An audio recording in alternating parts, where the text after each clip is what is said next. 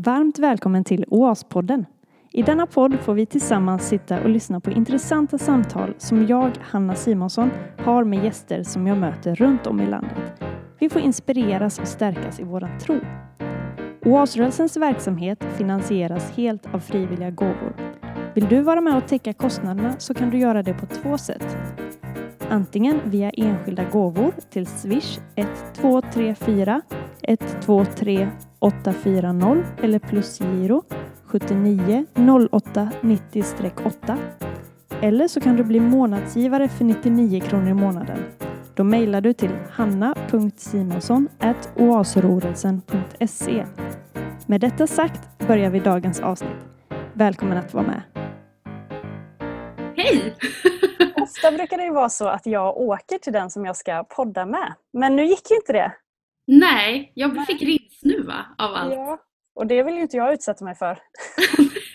Nej, visst är det märkligt. Mm. Men det är helt rätt och eh, så, så det måste vara nu. Vad lyssnaren inte vet är att vi sitter här i ett Zoom-möte just nu. Så du och jag ser ju varandra. Och jag brukar säga så här, inleda med hur, var jag sitter och vad som finns runt omkring mig. Men eh, det är ju bara i min studio jag sitter här nu. Och du sitter i, ditt, i din lägenhet eller?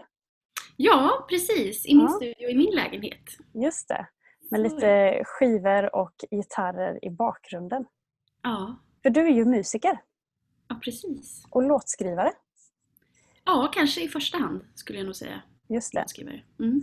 Jag brukar eh, ha googlat fram lite information om eh, den som jag ska prata med. Jag tycker alltid det är lite roligt vad Google säger först så man kan få Ja. en färdig bild, du vet. Vill man Fördomsfullt. veta?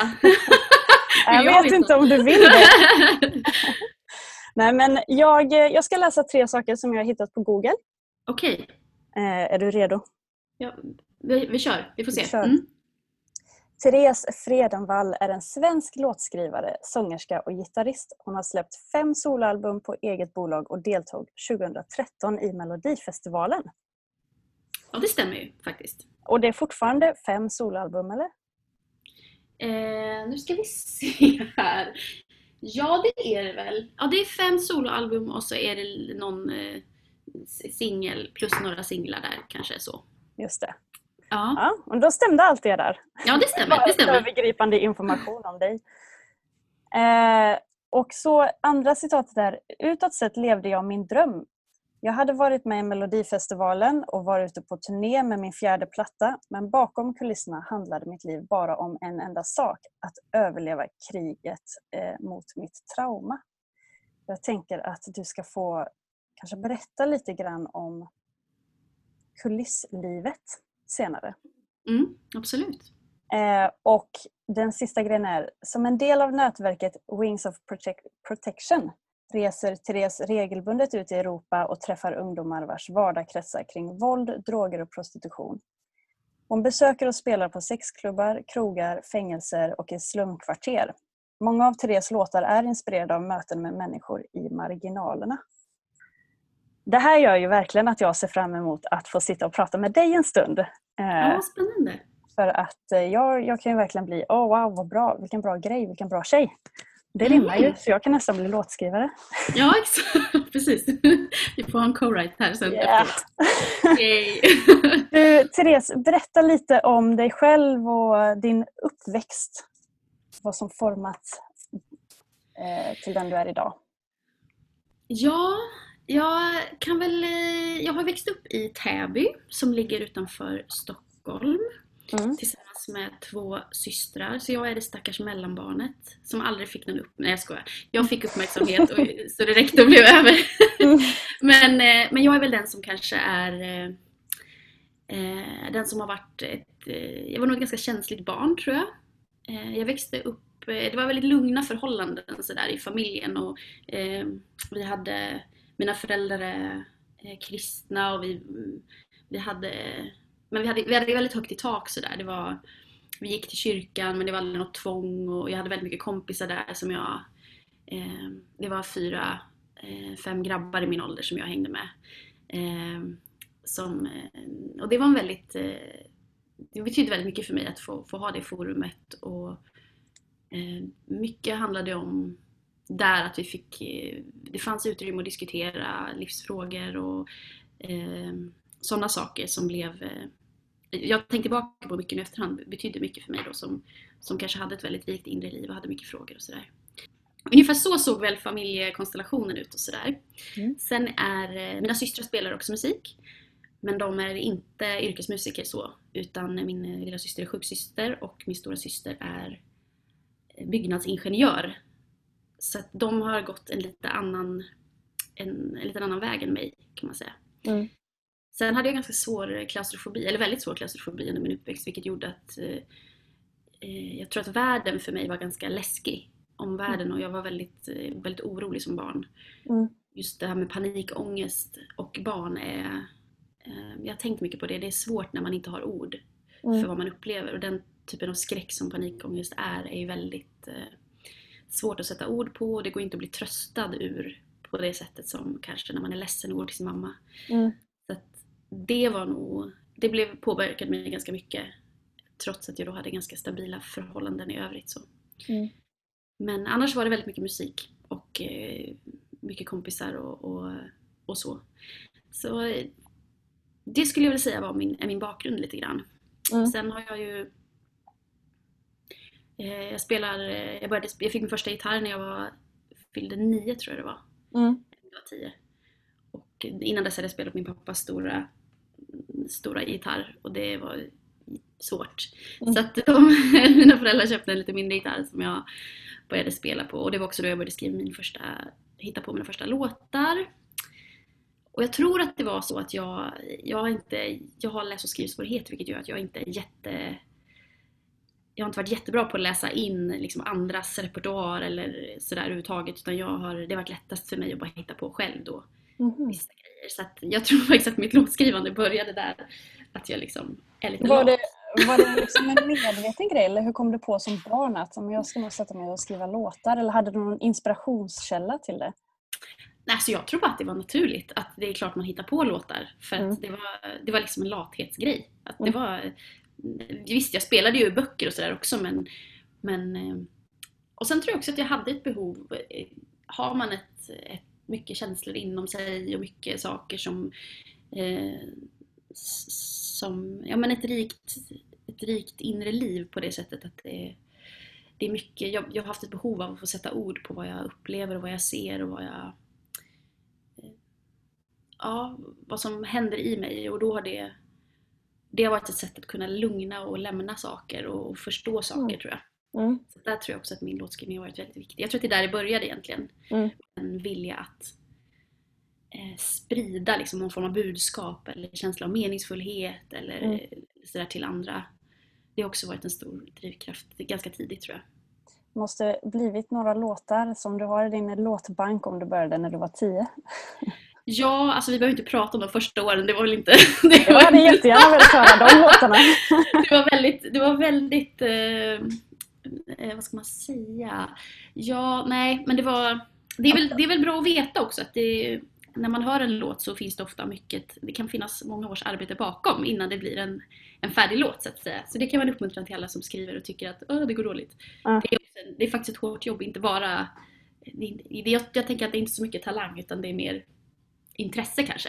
Men jag tänker att barn också, eh, om barn skriver låtar, att de har kanske inte lika mycket filter som vuxna har. Jag menar vi ska hitta vackra sätt att väva in det vi känner eh, mm. på ett liksom vackert, eh, vackert språk med förklarande ord och så vidare. Medan spontant, jag, menar, jag tänker på andra sammanhang när barn eh, yttrar sig liksom, eh, vad de känner i bild eller text eller vad det nu kan vara. Att då är det ganska rakt på sak. Att det kan nog vara ganska ärliga, bra texter ändå. Jo men på det sättet är det sant. Och framförallt så tror jag, som du säger, det finns inget filter i och det finns ingen eh, värdering på det sättet som det blir när vi blir äldre. Utan Precis. Jag tyckte ju liksom att varje låt var det bästa som hade hänt världen. Jaha. Och det hade jag, och det hade, jag hade kanske behövt lite av det idag. När mm. det är tvärtom. Liksom, att, ja, eller hur. Man skulle ha barns självförtroende så sjukt mycket. ja, men lite så tror jag faktiskt. Så, ja. eh, ja, sen kanske någon medelväg är det bästa i nuläget, jag vet inte. Ja, men vad intressant att höra. Mm. Verkligen. Är det, har du någon sån här, har du fångat upp någon av dina låtar som du skrev som barn nu som vuxen? Nej. borde göra. Nej men alltså, Therese det, 2.0. Ja, men det är ju det här att det är lite... mm, Nja, ja kanske, vem vet. Det kanske kommer något så småningom. Jag vet inte, jag har massa sått ett frö papper hos dig liggandes nu. överallt. Ja, vi får se. Vi får se. Jag återkommer.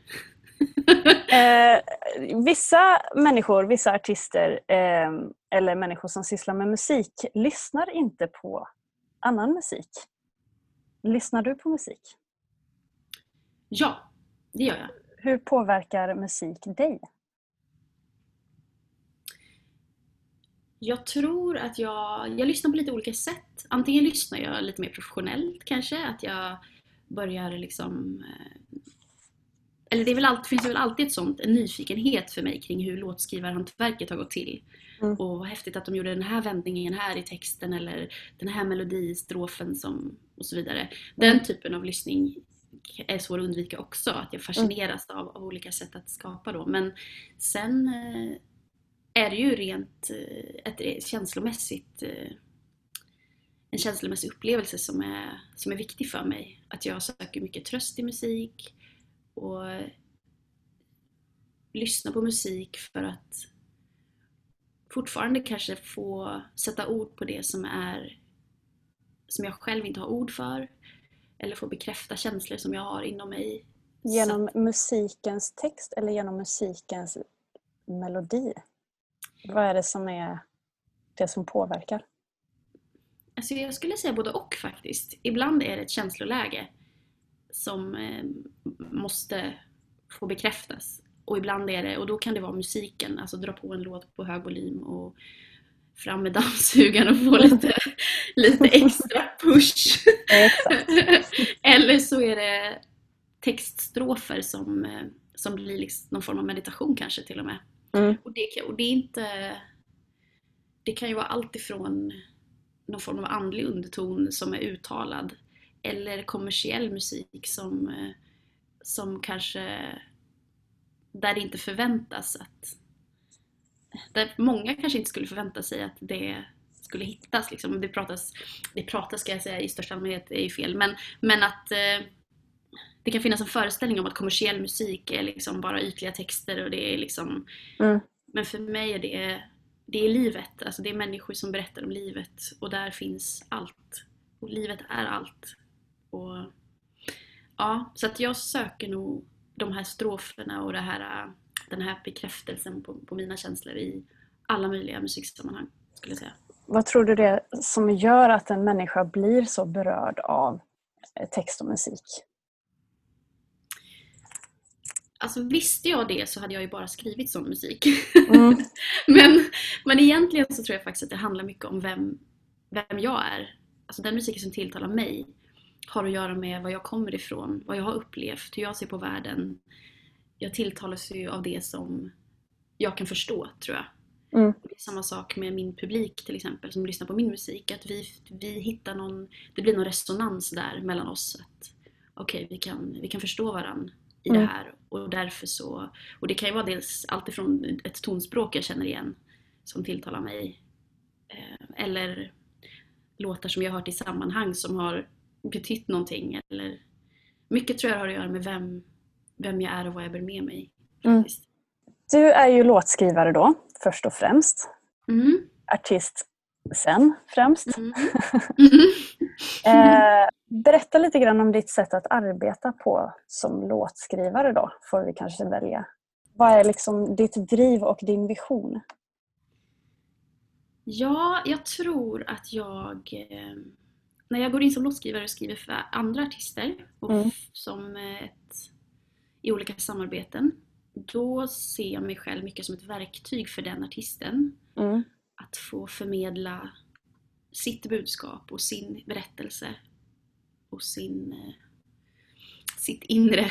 Vad svårt! Eh, ja, men också jättespännande. Ja, såklart. För där kan jag få vara med och det handlar ju om att eh, tolka, att jag Ja. ska tolka en person, en, tolka en, en berättelse då i både melodi och sound och produktion, själva berättelsen. Ja. Så det är väl, där, där är en, en, eh, en, en mer kanske tjänande utgångspunkt då. Att jag blir ett verktyg helt enkelt för den. Mm. Och ibland så är ju samarbetena inte så att jag sitter och i ett rum tillsammans med en artist och frågar vad vill du berätta? Det, det har hänt men ibland är det också så statiskt att nu ska det skrivas till det här sammanhanget, det är de här, du har de här förhåll, de ramarna att förhålla dig till. Och då kan det bli li- nästan som en här lek.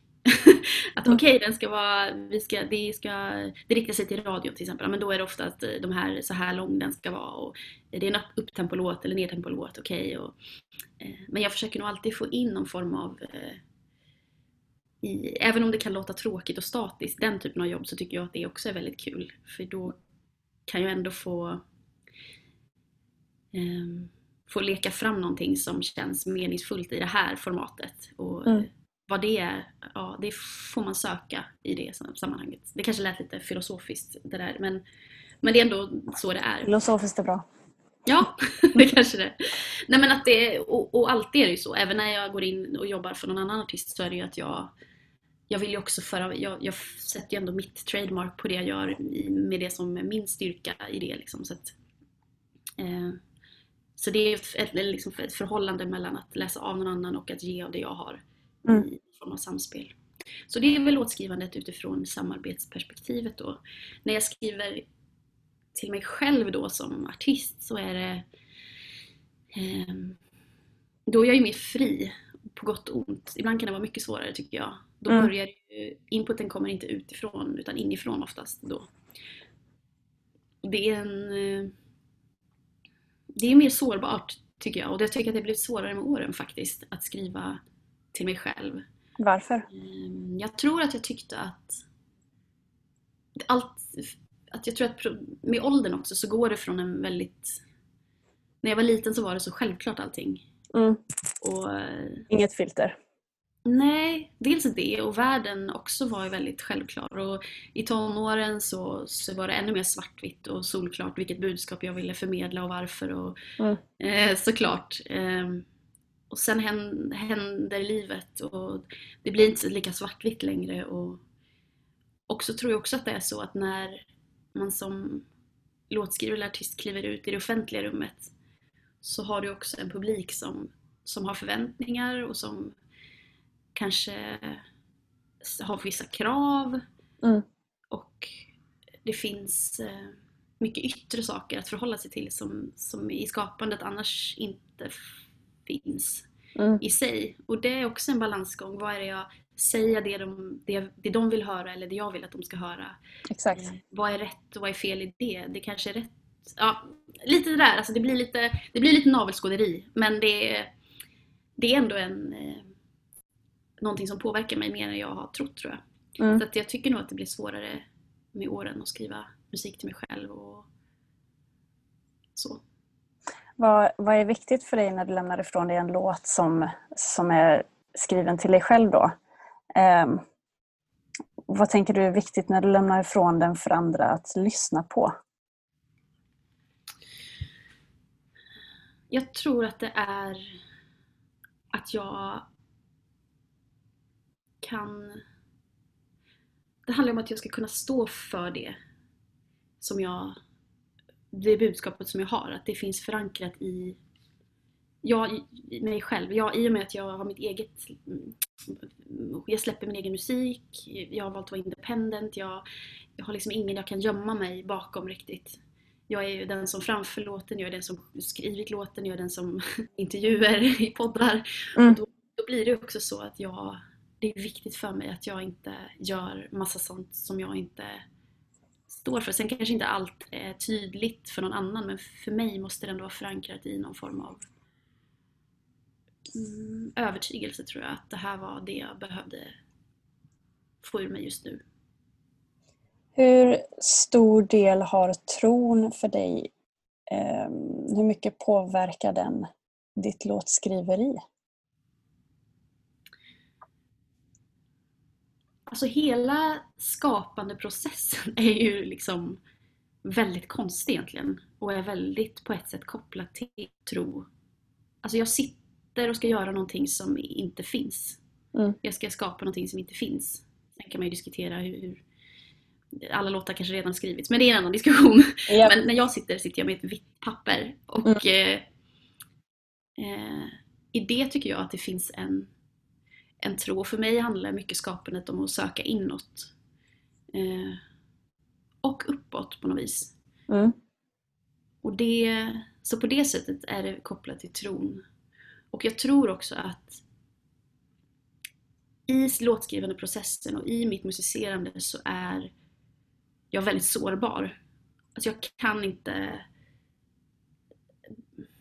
jag kan inte bara hitta på på ett sätt. Alltså jag gör ju det men jag kan inte jag kan inte köra över massa. Och det här kan vara jättejobbigt ibland precis som och det står ju i Bibeln det här att det hjärtat är fullt av det talar munnen. Och för mig har det varit så extremt konkret i just skapandeprocessen att befinner jag mig på ett ställe i livet så blir det den typen av låtar som kommer. Och ibland i perioder när jag har, det har varit liksom väldigt svart och väldigt mörkt eh, eller att det har varit sidor av mig som jag har behövt jobba med som har varit då blir liksom musiken därefter. Och det kan ju vara det kan ibland skavt mot kanske vad jag har tänkt att ja men det här är väl liksom folk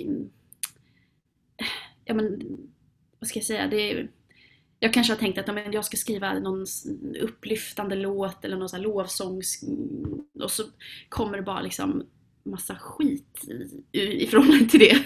Eh, och det kan ibland vara en konflikt inuti inne mig. Eller har varit skulle jag säga. Ja. Men, men samtidigt så är det jätteviktigt för mig att Ja. det måste vara så. Och jag kan inte, jag kan inte liksom jag kan inte bara köra över den, den sårbarheten, den liksom eh, bara för att jag är kristen så, så måste jag också kunna skriva om saker som är som, som är, hör livet till, som är mörka eller som är liksom svåra, melankoliska. Det måste få vara ja, men självklart. Jag menar, livet med Jesus och tron blir inte per definition perfekt bara för att man väljer att tro. Eh, Nej, Men man har ju en riktning åt något håll. exakt, exakt. Ehm, och det är väl, men det är en, eh, ja, jag tycker det, det är en väldigt spännande diskussion hela den, vad, vad, och vilket ansvar jag har också kan man fundera på. Har jag ett ansvar gentemot min publik, vad jag säger och inte och sådär. Och, ehm, både ja och nej, tänker jag kanske. Mm. Mm. Ja, men jag tänker på, nu, nu, vi, nu går mina tankar runt här för att Ja. jag bjuder in till det. Det gör jag, det gör jag. Tänk Nej, men, nej, men det står eh, eh, var alltid glada, be ständigt, tacka alltid Gud och så vidare. Eh, och Mm. så tänker jag så här att man får ju lätt en eh, förvrängd bild av det där med att Mm. bokstavligt talat då så ska jag alltid vara glad och alltid tacka Gud. Men så Mm. tänker jag att, att tacka Gud eh, mitt i livets skit är ju också på något sätt att man bejakar livet som det är och går igenom alla passager man behöver gå igenom fast jag har min tro. Det är Mm. ett slags tack också. Mm.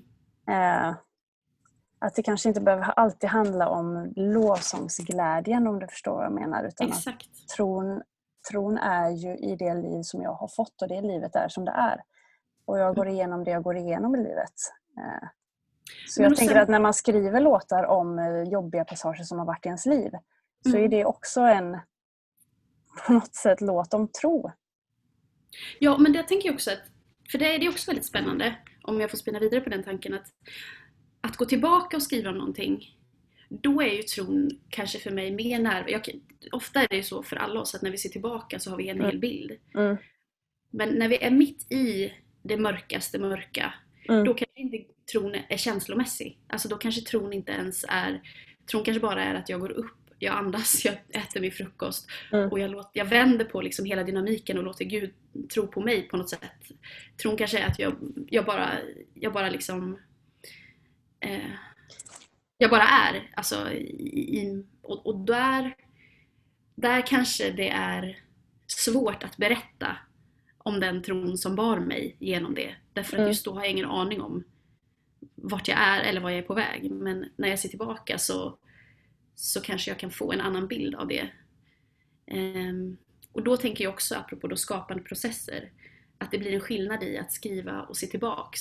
Snarare än om jag är i det här eh, svåra, jag kanske inte, då kanske det är mer en förtvivlan Mm. som, som är liksom, jag kanske inte ens jag kanske inte ens vågar rikta mig mot Gud då för att jag vet inte om jag får något svar och det är för Mm. jobbigt just då. Mm. Men jag kan ändå lita på att kanske imorgon jag, gör jag det, eller i Mm. övermorgon. Alltså förstår du? Att man, man måste liksom också ha, eh, ha tidsperspektivet i, i hur man talar om de här perioderna och det här att tacka ständigt och liksom att ja, det kanske är lite det kanske har lite med vart jag, vart jag är att göra och att, att det också måste vara okej. Mm. Att, jag, att jag väntar tills imorgon. Eh, Ja, men självklart är det det. Och jag tänker att Ja. det, är väl, det är väl en eh, miss som kanske många gör att jag menar det spelar egentligen ingen roll vad jag känner för Gud är ändå där. Mm. Eh, och då, då är det väl okej att känna förtvivlan och hela den här biten för han är i det också. Det, det handlar inte om vad jag väljer att göra Gud till eller tron till. Utan Nej. den är ju och jag har ju bara sagt ja och så får man leva. Ja men och det räknas liksom. Tron Ja. som är ett varande räknas också tänker jag. Exakt. Det tänker jag är viktigt och, och vi pratar ju ofta om för det tänker jag också är en grej i att vi gärna tar upp inom kyrkan kanske låtar och så, så är det alltid det lyckliga slutet. Liksom, att, Mm. ja, och så får, man, så får man höra historien om den som var eh, missbrukare och sen så kom till tro och så blev det bra. Liksom. Mm, mm, Och det är ju en sann och jätteviktig historia. Eh, Men jag till exempel då när jag var mycket ute i, på gatorna i Tyskland och jobbade och träffade liksom, det, jag fick aldrig sluthistorien. Alltså så. Eh, Men jag träffade ju liksom eh, kvinnor som var katoliker på gatan och levde mitt i liksom. De levde mitt i den misären. Hade en ikon i väskan liksom. Men det var liksom livet som var som det var. mm. Och, och för mig var det en stor lärdom på något sätt. Att det är, det är liksom viktigt att ha två saker i huvudet samtidigt, tänker jag. Att båda ha, vara väldigt tydliga med liksom att det är klart att vi, vi, vi, vi söker hoppet och vi tror på hoppet att det, det blir bättre. Liksom. Vi, är, vi är inte ensamma, det finns allt det här. Men Mm. också att vi också kan få vara i situationer där vi faktiskt känner att vi är ensamma, att det är hopplöst. Mm. Och att- Men att tron inte behöver falla på, på de känslorna liksom, utan att tron kan bara få vara att ja, och då känns det så nu och då får Gud väl tro på mig den här dagen istället. Så Exakt. behöver inte jag ha den prestationsångesten. Exakt. Ja. Eh, kan du inte berätta lite grann om, eh, för jag läste ett av de här citaten eh, om dina spelningar och hur du mötte människor ute på, du spelade liksom inte på the glam stage om man nu Nej. skulle vara så fördomsfull. Men det beror ju på vad, det var väl glam i mycket annat. Eh, Men att du mötte människor på andra platser och spelade. Mm. Berätta lite om det. Ja, alltså... Och det har väl varit eh, en övergripande grej tror jag. Att jag har känt att det har varit viktigt att, att jag inte vill eh, selektera. Alltså att jag, för mig har, har, där det finns människor som vill lyssna så spelar jag gärna. Mm. Och eh, alla kanske inte har möjlighet att komma till eh, eller vill ens komma till eh, konsertlokaler eller kyrkor eller arenor eller vad det är man spelar så. Och då har jag tänkt att jag kan ju lika gärna ta mig dit då. Mm. Om jag får frågan. Och det har jag ju fått vid några tillfällen då. Att jag, bland annat under den här perioden som du läste upp citatet kring då när jag var mycket i, i eh, Europa då och spelade på framförallt i prostitutionskvarteren och jobbade med olika hjälporganisationer där nere. Mm. Men också, jag har också varit en hel del på anstalter och, och just eh, senaste åren har jag mest varit i Sverige och engagerat mig på olika sätt Mm. här. Så att, ehm, jag tänker att det, det är egentligen bara så, så eh, enkelt skulle jag säga. Att det handlar Mm. om att det är klart att om jag får komma dit så vill jag göra det. Att det inte är någon skillnad på, på publik och publik tänker jag. Nej, vad har varit viktigt för dig då när du, när du har mött de här människorna och den här publiken? Vad har liksom varit, ja, vad har Alltså, varit jag- viktigt för dig då? Alltså framförallt har jag fått med mig så vansinnigt mycket.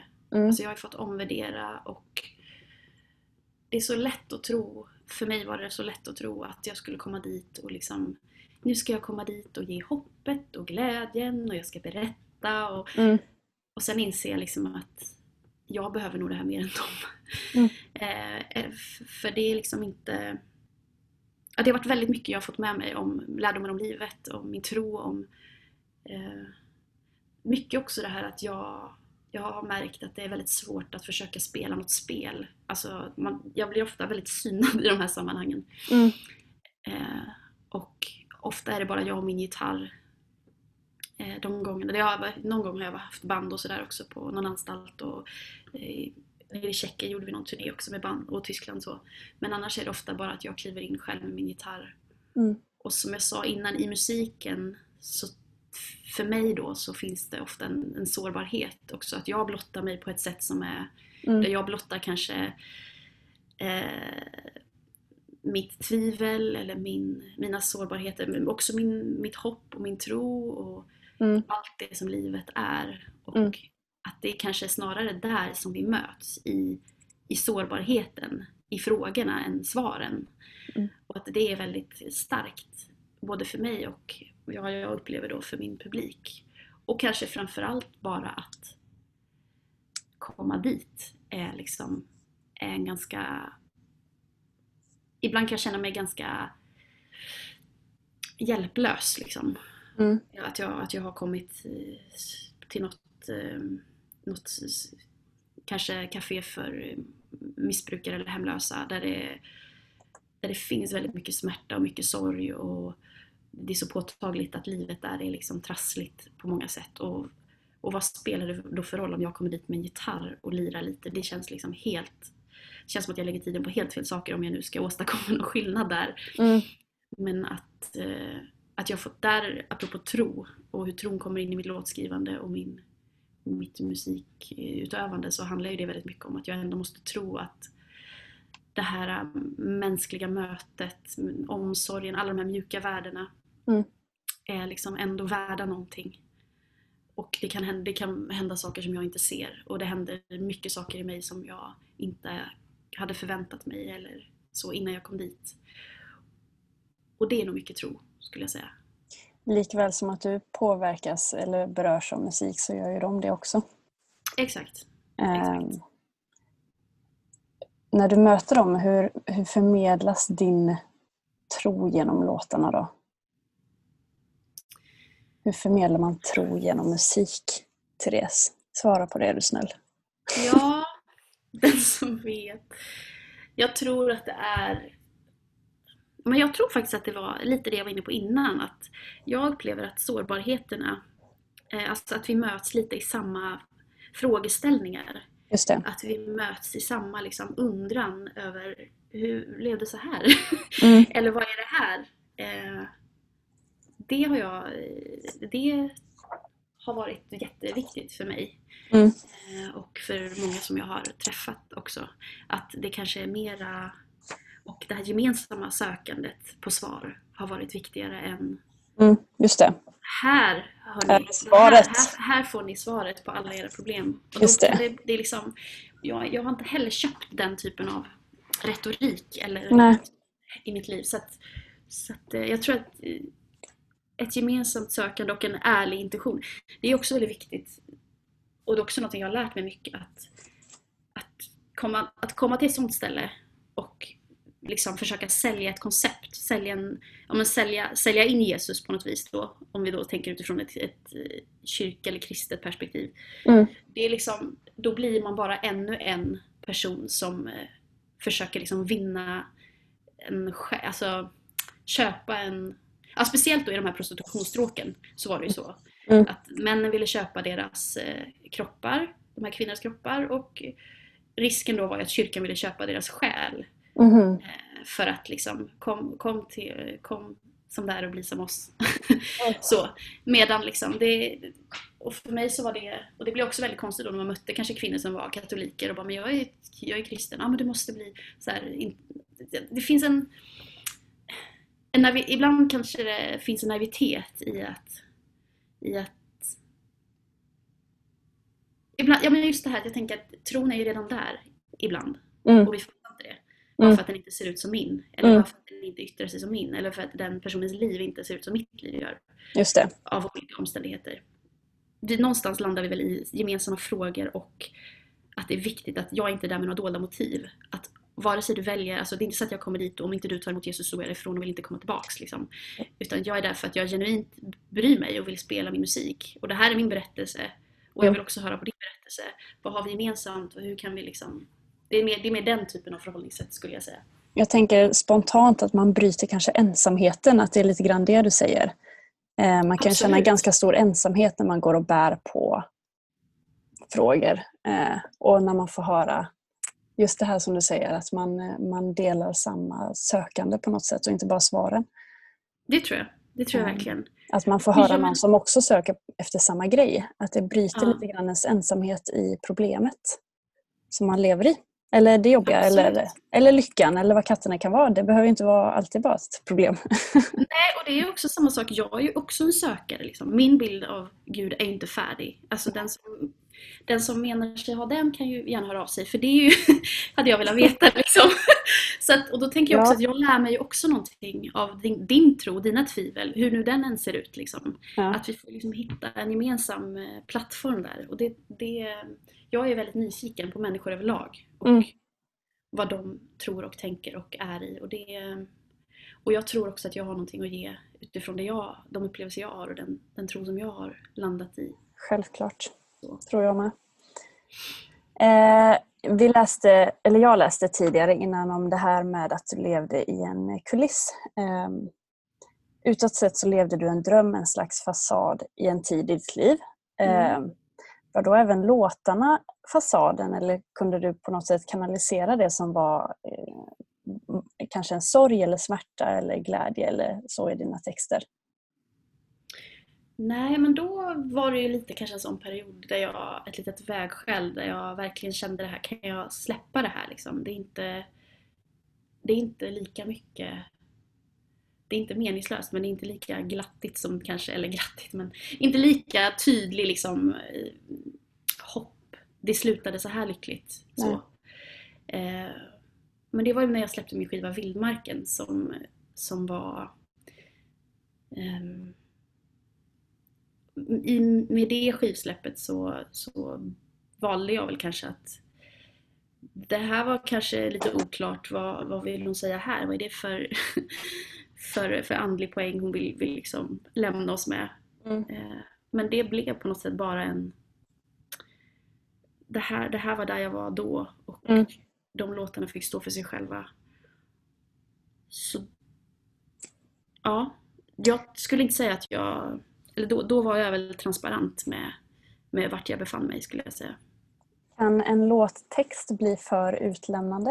Eh, Eller är, den, eller eh, är skapandet och den processen är det läk, en läkande process i sig eller kan det bli för utlämnande? Jag tror absolut att det kan bli för utlämnande och där tror jag också det har med tid att göra. Mm. Men det har framförallt med en själv. Liksom, var är jag? Eh, den här skivan släpptes inte i, mitt, i min värsta dipp liksom, utan det var ändå men där jag fortfarande befann mig i något läge där jag ändå eh, jobbade med de här eh, frågorna och det som hade eh, dykt upp då. Så att jag, jag kan absolut tänka att ibland ska man vänta lite. Mm. Men det ska också sägas att jag har ofta väldigt, väldigt svårt att skriva musik när, det, när jag har mått dål, väldigt dåligt. Det är väldigt svårt att få ur någonting överhuvudtaget. Och det är väldigt intressant. Jag vet inte Ja. om det är bra eller dåligt men eh, Nej, men jag tänkte just det att det känns ju spontant tvärtom hos folk. mm. Eh, Att eh, ju sämre jag mår desto bättre skriver jag. ja. Jag tror man ska ha lite medelångest. Jag ska... Ja exakt! Borde Ja, leva faktiskt. med det hela tiden. Ja men alltså lite melankoli mår alla bra. Nej, jag ska... Lite men jag har ju grottliv lite... bara. Ja, men jag har ju ett litet stråk av det i mig och det är ju också en, en tillgång i mitt skapande, absolut. Jag, Ja. jag tycker att det är, jag är inte så rädd för liksom den sidan eh, hos mig själv utan använder gärna den i mitt skapande. Men blir det riktigt mörkt, då blir det ju liksom då, då har jag svårt att, att skapa. Då blir det mer att jag bara... Men så är det kanske för de allra flesta av oss. Ja, det är Då är det mer över, överlevnadsfrågor liksom, som det handlar om snarare än... Då blir skapandet lite lyx. Liksom. Mm. Eller, eller så är det bara att det inte finns någonting att säga. Mm. Just då, jag vet inte. Jag tänker vi ska börja runda av snart. Ja. Eh, och då tänker jag för de som lyssnar eh, som eh, kanske blir inspirerade av detta och kanske, ja men tänk om jag skulle kunna börja skriva eller liknande. Mm. Hur hittar man den kreativiteten? Hur börjar man? Hur ser en sån process ut? Måste man kunna ett instrument? Ja, alltså. Jag tänker att det handlar ganska mycket om att våga kasta Mm. sig ut i slutändan. Och det finns lika många vägar eh, framåt som det finns människor i, i, på det här planet tänker jag. Skapandet är ju otroligt personligt. Mm. Men eh, konkreta tips är väl att ta sig tid. Att ge sig själv... eh, Jag själv behöver ganska mycket tid om jag ska skriva. Jag behöver veta att jag har typ en hel dag kanske Mm. att sitta med någonting. Men det kanske inte... Vissa skriver låtar, eller vissa låtar kommer ju till på kanske 10 minuter och vissa tar Mm. flera år ska Mm. sägas. Så att det beror lite på hur man är som person och vilken typ av låt kanske. Men jag tror att det är viktigt att dels... De bästa låtarna tror jag görs när man, man vågar liksom öppna sitt inre rum och bara skriva. Det kan vara vill du skriva om Jesus, gör du det. Vill du skriva om eh, något, eh, superångest, gör du det. Att inte börja filtrera. Det är också, det är också en grej, att, att en låtskrivarprocess är ju, det första du gör är ju på något sätt att släppa på det kreativa flödet. Det handlar liksom om höger hjärnhalvas aktivitet. Att det finns massa tekniker för det här om man vill nörda in sig i det med flowwriting och allt vad det heter. Mm. Men, och då ska man inte bedöma, man ska, inte, man ska bara köra. Eh, Mm. Använd de verktyg du har, om du spelar något instrument eller något annat. Bara hitta på, lekfullt. Och sen kommer bearbetningsprocessen, det är liksom del två. Då kanske du har något stoff av någon mening eller några melodislingor. Eller, och då börjar man sortera och kanske backa lite från processen. Tänka så här: okej, vad är det för röd tråd? Vad är det jag vill? Eh, och då börjar man liksom, då är det mer vänster hjärnhalva som träder in och liksom strukturerar upp och sådär. Mm. Så att eh, en kreativ process eh, brukar ofta liksom vara på det sättet. Och sen också att det är ju, ena stunden så känner man oftast att det här är en världshit, ingen har någonsin hört något som är så bra som det här, det här kommer bli liksom alla, jag kommer förändra hela världen. Högst troligt är det så. Ja men det finns faktiskt sådana stunder. Och sen nästa stund, tio minuter senare, så kan man känna att jag är inte ens värd mitt namn för att det här är så kast och det är liksom, jag ska bara gräva ner mig, och ligga under, jag ska ligga under ett täcke resten av mitt liv för att det här är så dåligt. Det är också en del av, av Ja. skapandeprocessen. Hur och måste- tacklar man det då? Jag tror att man bara vet. Man får bara, det är ingen som tacklar det. det är bara, man, ska bara, man ska bara fortsätta. Man ska fortsätta, man ska våga, man ska veta att så här är det att skapa. Mm. Och det kan nog alla konstnärer skriva under på tror jag. Att, Mm. och det, är- ja. Men det är fantastiskt. Och det, är, det, som är, det som är så stort med att skapa, det är ju sen när jag får ge det till någon annan och säga "Ah, här var mitt, liksom, det här var något som jag tänkte. Och så Mm. säger och det här fick betyda någonting för mig också. Då ger det resonans tillbaks till mig som är, det är obetalbart. Så det är klart att alla ska skriva musik som tycker att det verkar spännande. Eller måla, eller spela teater eller göra något annat. Eller skriva texter. Man, man behöver inte alltid se- sätta melodin på det om man inte kan det. Nej precis. Nej, nej, nej, nej. Man kan göra på olika sätt. Försöka hitta det här inre rummet av, av kreativitet och skapande. Mm. Det tror jag att vi, många som skulle må bra av. Att göra mer av. Jag tror det också. Mm. Eh, Therese, Ja. tack så jättemycket för att eh, du ville dela dina tankar och eh, erfarenheter och allt sånt som du bär på i det här poddavsnittet. Tack snälla för att jag fick vara med. Vi får hoppas att eh, vi kan ses IRL någon annan gång i livet. När du Ja. inte är lite förkyld. Exakt, när jag inte har rinsnuva. Som ju är... Exakt. Så menlös liten sak. Ja, men, men, eh, dock viktigt. Ja. jag tar inte den risken. Nej, det är, det är helt rätt. Det är bra. Bra. Mm. Så tack så jättemycket. Ja, tusen tack.